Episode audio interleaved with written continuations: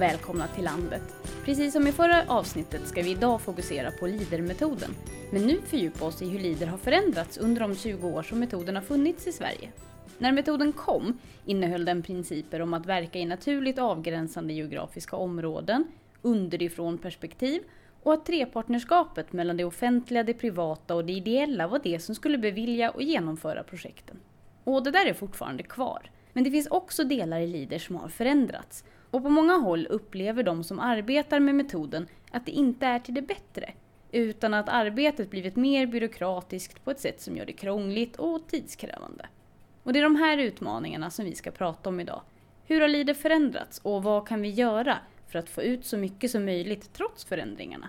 Jag heter Ulrika Rulin, jag är ordförande i lokalt ledd utveckling i Halland. Jag heter Andreas Mattisson, jag är enhetschef på Jordbruksverket. Jakob Kjell, Doing Rural, utvärderare av ett antal Leaderområden. Sören Oskarsson, verksamhetsledare i Leader Tresam som ligger i Jämtland, Ragunda och Strömsunds kommuner. Och det här samtalet det tar eh, avstamp i en rapport som du Jakob Kjell har skrivit. Ni har utvärderat 12 eh, områden under den förra LIDER-perioden.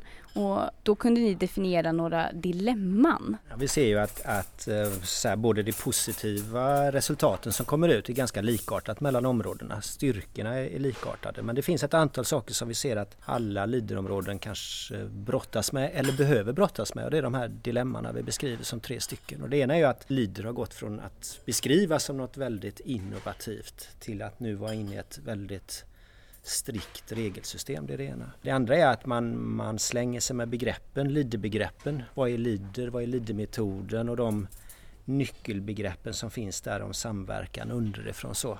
Där kanske målgruppen inte förstår det lika tydligt som, som avsändaren och det, det ser vi som ett dilemma för att kunna kommunicera på ett bra sätt till dem det ska gynna. Och det tredje är att man behöver balansera mellan det som man kan kalla sifferledningskultur. Att kunna mäta, att kunna se exakt vad som händer. Man vet precis vilka insatser som behövs för att nå de resultaten. Det är den ena sifferledningskulturen. Den andra är kunskapsledningskulturen där man startar processer. Man vet inte riktigt. Det är tyst kunskap som utvecklar och det är ofta icke mätbara resultat. Och det där måste man balansera på ett vettigt sätt när rapportsystemen som finns egentligen fokuserar på det mätbara. Och så finns det massa gott som kommer ut som inte är mätbart. Ni som har jobbat med det här ett tag, hur tycker ni att det har förändrats under åren om ni skulle beskriva? Vi i Halland har varit igång eh, denna perioden och förra perioden så vi har ingen, ingen erfarenhet mer än från de två perioderna men jag tycker jag kan se en ökad byråkratisering i vissa delar. Att, att eh, vi räknar mer pinnar idag än vad vi gjort hela tiden. Och vi gör ju det delvis för att få ett mandat att fortsätta. Och det beror kanske också delvis på att det finns ett större intresse och fler involverade i, i att bygga Leaders strukturer. Men det är många händer i soppan och man skulle väl ibland önska att, liksom, att man kunde reda lite i det här och komma tillbaka till att det fanns den här kunskapsledningskulturen där man lite mer fritt skulle kunna genom kunskap och lärande bygga de här strukturerna igen. Så lite, lite riv, riv och bygg upp skulle jag väl önska mig lite här. Tänk tillbaka till att behålla de goda värdena, att kunna visa på resultat men samtidigt också kunna kanske bli av med lite av den byråkratiska bördan som finns på programmet.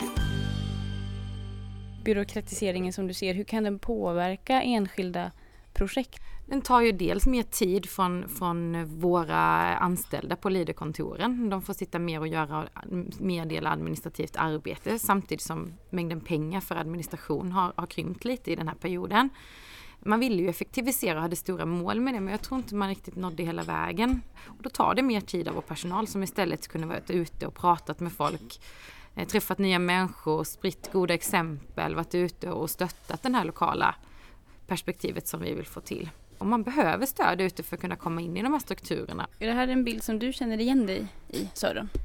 Ja, absolut. Det, det, är så, det blir ju så när, det, när det, regelverket ska styra allt mer.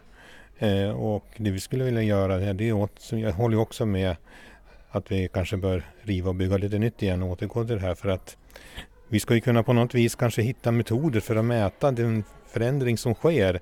Vi jobbar mycket med attityder. Folk i många områden kanske har en dålig självbild både till sig själv och till sitt, e- till sitt egna område. Det har vi märkt när vi har gjort vårt strategiarbete inför den här perioden. Och då skulle vi på något vis kanske mäta med förskjutningar i värdeskalor på något vis, att man går från som kan mätas under en period och följas upp och på så vis kunna ändå göra det mätbart, det som den tysta kunskapen om man ska uttrycka det på det viset. Och det är det här som du beskrev som eh, balansgången mellan sifferlednings och eh, kunskapsledningskulturerna då, Jakob? Problematiken är att man värdesätter olika resultat. Um, jag tänker att eh, mycket av de resultaten vi har sett i utvärderingar och som Leaderområdena bekräftar och som projekten bekräftar är ju att, att, när man driver ett projekt så höjer man kapaciteten i, i den förening som har drivit i den bygden. Till och med i Leaderområdet ser man att vi kan mycket mer idag. Vi har eh, nya muskler. Och det där har man lite svårt att beskriva utan man räknar hellre antal möten och antal eh, jobb som är skapade eller antal besökare någonstans. Det är ju viktigt det också. Men man värderar inte de här andra sakerna som handlar om kapacitet och lärande lika högt när man rapporterar. Och det ser jag som ett problem. Mm. vad är det som har skapat det här då? Alltså jag skulle vilja generalisera så att det här, inte, det här handlar inte bara om lider och jordbruksverk och så utan det är en tendens i samhället att vi vill mäta och räkna allt mer. Så är det i skolans värld, i sjukvården, Överallt klagar man på att man lägger allt mer tid på rapporter, mätningar och sånt istället för den kärnverksamhet man vill göra och brinner för. Precis, det här är, det här är egentligen inte unikt för, för Lider. Liksom. Nej. Vad, vad tänker du eh, Andreas som kommer från Jordbruksverkets sida när du hör det här? Jag tror man om man tittar lite tillbaks på detta historiskt och från början eh, och det, då går vi ännu längre än 20 år tillbaks. För det är 20 år i Sverige men i EU så är det ännu äldre, Leadermetoden. Från början var ju det här eh, lekpengar för kommissionen. Eh, lite pilotkaraktär på detta. Det var väldigt fria tyglar och eh, det innovativa tänkandet var väldigt högt värderat. Och, eh, sedan tror jag ungefär 2000 så har man ju då integrerat det här i den mer allmänna landsbygds och jordbrukspolitiken, alltså EU-politiken. Och det paradoxala är ju då att eh, man uppenbarligen har man tyckt det här var väldigt lyckat. Så man har integrerat i den bredare politiken men då har ju också den bredare politiken ställt nya krav på Leader-metoden. Till exempel vad som ska redovisas och hur resultaten ska visas.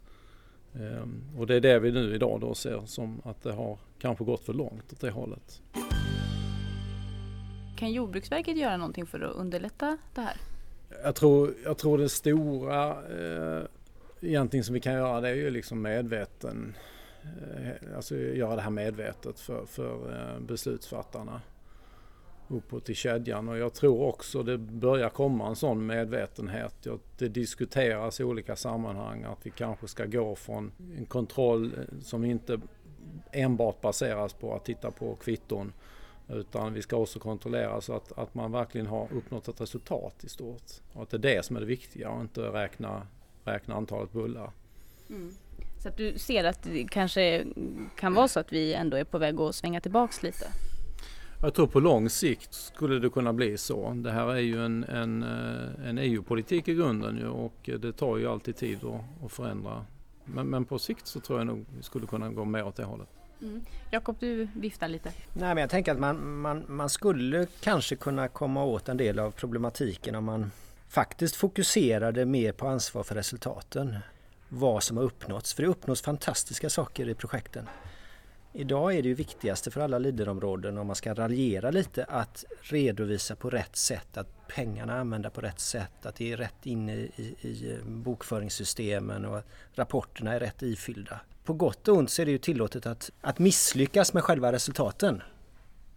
Och det tycker jag är bra därför att det ska fortfarande vara det här prövandet. Men Leaderområdena lägger allt mer tid på att göra saker rätt enligt regelsystemet istället för att fokusera på att göra rätt saker. Alltså att uppnå den här eh, förstärkningen av den lokala kraften och så. Vad innebär det ur ditt perspektiv? Vad betyder det för, för Sverige och, och lokalt ledd utveckling? Alltså jag menar att man, man, man förspiller ju lite av den fantastiska kraft som finns i, i Leader-metoden och Leaderområdena. De gör fantastiska jobb men som någon vittnade om här, man får lägga mer och mer tid på att, att uh, fylla i saker och rapporter rätt istället för att vara ute att fånga upp den kraften som finns och att förstärka den kraften som finns. Där kunde man lägga mycket, mycket mer krut. Det är ju mycket lättare att kommunicera att nu har vi skapat 5000 jobb än att kommunicera de här mer kvalitativa långsiktiga effekterna som Leader bidrar till. Och ofta vill ju beslutsfattarna ha den där snabba one-linern. Mm. Nu har vi skapat 5000 jobb. Se hur bra det är. Och det är det som EU också vill ha. De vill kunna sammanställa vad alla länderna gör och de vill gå ut och kunna säga att så här, det här har vi uppnått. Ehm, det är en kommunikativ aspekt som jag tror liksom vi, vi, det är svårt att komma ifrån helt och hållet men, men, eh, men jag tror det, det är en orsak till att vi, vi inte pratar lika mycket om de här långsiktiga, mer förutsättningsskapande, kvalitativa effekterna som, som Leader kan ge. Men eh, det är ändå lite tråkigt att det är på det viset därför att de här eh, mervärdena som skapas genom Leader-metoden och som då är väldigt svåra att mäta på något sätt är ju, skapar ju ändå förutsättningar för att vi i ett senare skede ska uppnå saker som vi kan mäta. Det här leder till processer som gör att det kanske kommer igång verksamheter som på sikt skapar jobb, det skapar inflyttning. Och där, där har vi ju saker som går att mäta. Men det här är processer som kanske tar 3, 4, 5, kanske upp till tio år. Det, det vet vi ju inte riktigt. Men det vi kan se det dock, där, är, där Leader har varit, att när man har drivit projekt aktivt i, i omgångar, där har man också fått en mera en annan attityd. Man har fått en mer positiv inställning till och utvecklingen har tagit fart. En ideell förening har vuxit och blivit en, en, en, en ekonomisk förening och tar på sig en del av samhällsservicen. Man blir mera, mera utåtriktad på så sätt och tar på sig mera uppdrag och skapar jobb så tillvida. Just det, så att det här mätbara vi pratar om det kanske egentligen kommer efter att projektet och, och LIDER-delen är avslutat och att det är därför det är så mm. svårt mm. att mäta det. Och alla vill ha snabba resultat. Ja, vi landar där igen. Men jag tror det också handlar mycket om förtroende, eller det har jag sett på vår resa här i Halland, där man det fanns en viss skepticism mot det här att det, nu ska det komma en struktur som ska bestämma över pengar som kanske egentligen skulle gynnat det offentliga i någon mån. Eh, men när man gjorde bra saker och de här historierna började komma och sprida sig i vår region så fick man också ett ökat förtroende inför denna perioden att faktiskt ta hand om de här pengarna i den här strukturen. Eh, och det tror jag är jätteviktigt att, att man eh, berättar vad man gör, att man är tydlig med vad det leder till och, och, och skapa mötesplatser mellan beslutsfattare och, och, och, eh, och projekt och, och idéer. För mm, vi upplever att vi har ett mycket större förtroende att bedriva vår verksamhet i denna perioden än vad vi hade i förra, för då var det helt nytt och ingen visste vad det var för någonting. Nu har vi tittat lite på de här dilemmana som syns och vi har ändå berört lite vad som skulle kunna förändras och sådär. Men precis som eh, Andreas förklarade här så är det, har det med EU att göra, det är långa processer och sådär. Om vi tänker, nu har vi de här förutsättningarna. Det har förändrats lite på 20 år i i viss mån till, till kanske det sämre. Men vad, vad, kan vi göra utifrån där vi står idag för att verkligen eh, få ut maximal nytta av LEADER-metoden? Men lära oss bli så bra på systemen som möjligt. Alltså det vi lära oss vad vi kan förändra och försöka påverka det. Sen när vi har sett att det här kan vi inte förändra, lära oss bli så effektiva som möjligt inom ramen för vad vi faktiskt får göra. Vi ser ju att de här pengarna är de enda som finns på det här området och de gör en fantastisk nytta när de väl kommer ut. Och sen försöka eh, hitta system där vi kan lägga så lite tid på administration som möjligt, ändå göra rätt. Samtidigt som vi är ute så mycket som möjligt och träffar de som berörs. Så det är ju att navigera i de här systemen och bli duktiga, duktiga pusslare. Helt enkelt, det tror jag vi ska bli. Lite mer konkret, vad, vad är det vi kan förändra? Men jag tror vi kan faktiskt vända och vrida på hur, hur, vi gör saker, hur vi rapporterar saker så det blir mer anpassat till vår verksamhet. Men jag tror också det behöver ta tid för vi vi har inte samma bild alla områdena i, i, vi jobbar lite annorlunda. Vi har inte riktigt samma, samma bild och jag är väldigt glad att Lokal utveckling Sverige, LUS, har bildats med alla eller i varje fall 40 av de leaderområden som finns idag medlemmar där. Och där diskuterar vi sådana saker. Vad kan vi påverka? Vad kan vi inte påverka? Vad har ni för goda idéer? Vad har vi för goda idéer? Hur skulle vi kunna lösa det? Och det tror jag, mer av sånt tror jag behövs för att vi ska komma framåt. Mm. Och du som eh, kommer från utvärderarperspektivet, vad säger du Jakob? Ja, alltså dels tänker jag att man faktiskt också ska ta till sig det som utvärderingarna säger för där tänker jag att det brister lite grann. Man gör det lite för sent.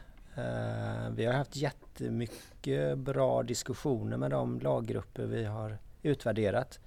Men det har ju varit i eh, fem i tolv när man är på väg att egentligen stänga ner programmen.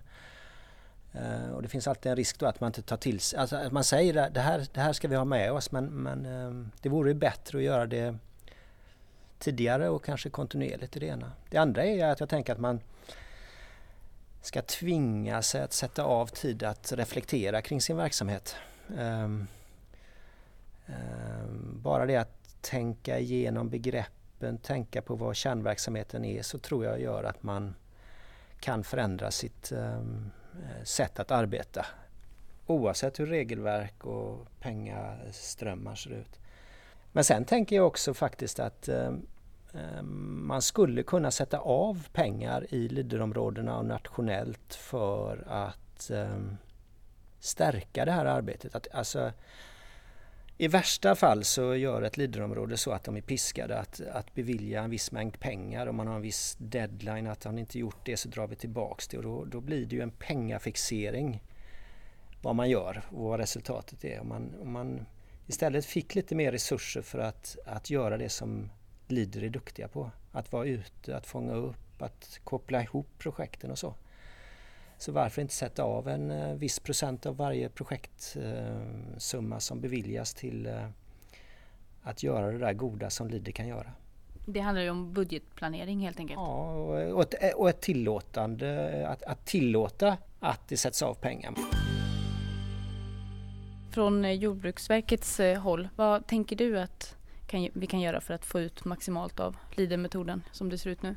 Jag, jag tror det, det är viktigt att komma ihåg att även om man kan säga att kraven generellt sett har ökat på, på denna verksamheten och som det har gjort också i många andra samhällssektorer så finns det också eh, förenklingar och, och, eh, och möjligheter som jag tror vi har tagit oss an här i, i den nya programperioden. Bland annat så har vi, jobbar vi mer digitalt nu. Nu kan den som ska söka stöd söka i en e-tjänst på nätet. Det har inte varit möjligt tidigare. Och Sverige har som enda land i EU valt att koncentrera det här till att det är bara en enda myndighet som de här lokala, lokala grupperna ska ha en, eh, en kontakt med för att förenkla det hela. Så det finns saker som, som ser positivt ut också. Men när det gäller generellt då att kraven hårdnar. Jag tror det är pragmatiska lösningar och samarbete.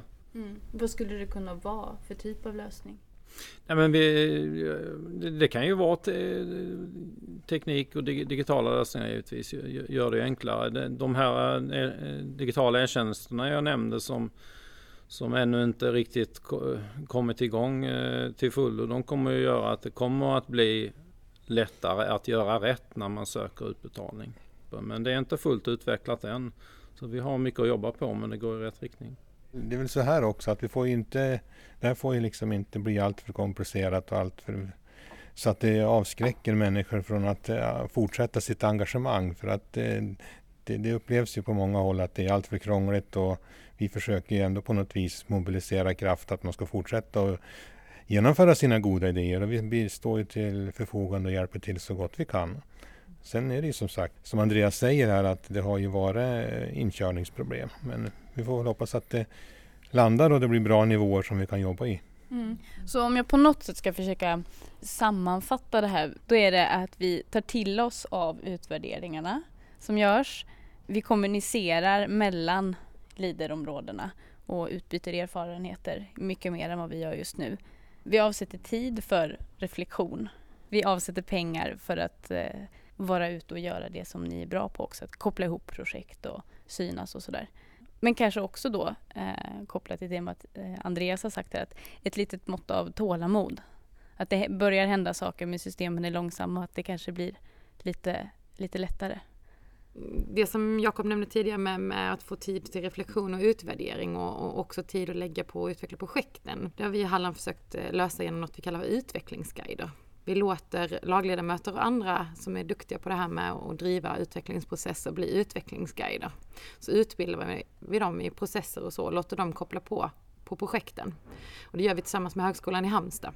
Och där försöker vi hitta nu lite finansiering från Vinnova för att få, få utveckla detta ytterligare. Och det blir vår lärande utvärdering också en del i detta, att vi lär oss vilka nycklar som behövs ske i projekten för att vi ska kunna bli ännu mer lyckosamma i dem. Så, så man får hitta lite de här snirkliga vägarna för att vilja, få göra det man vill göra när, när kanske driftsbudgeten inte är så stor som man hade önskat. Så det är väl det vi gör. Och sen, sen skulle jag faktiskt vilja tillägga det här med, med de digitala systemen som möjliggör. Jag tror definitivt att de kan vara det. Men, men det, det, känns som en liten uppförsbacke där, där de, de, idag absolut inte är det. För de upplevs väldigt, väldigt byråkratiskt och väldigt komplicerat idag. Men det är säkert en del inkörning i det, att man ska lära sig hur systemen fungerar. En del som vi måste peta lite på, på Jordbruksverket och säga det här får vi faktiskt ändra. Och en del som, som vi bara får svälja för att det går inte att, att göra någon förändring på. Så jag tror det, det är en trestegsraket där. Vi säger tack till Ulrika Rylin Andreas Mattisson, Jakob Kjell och Sören Oskarsson. Jag heter Ida Lindhagen och du har lyssnat på Landet som är Landsbygdsnätverkets podd. Gå in på landsbygdsnätverket.se eller följ oss på Instagram för att få veta mer om vad vi jobbar med. Vi hörs!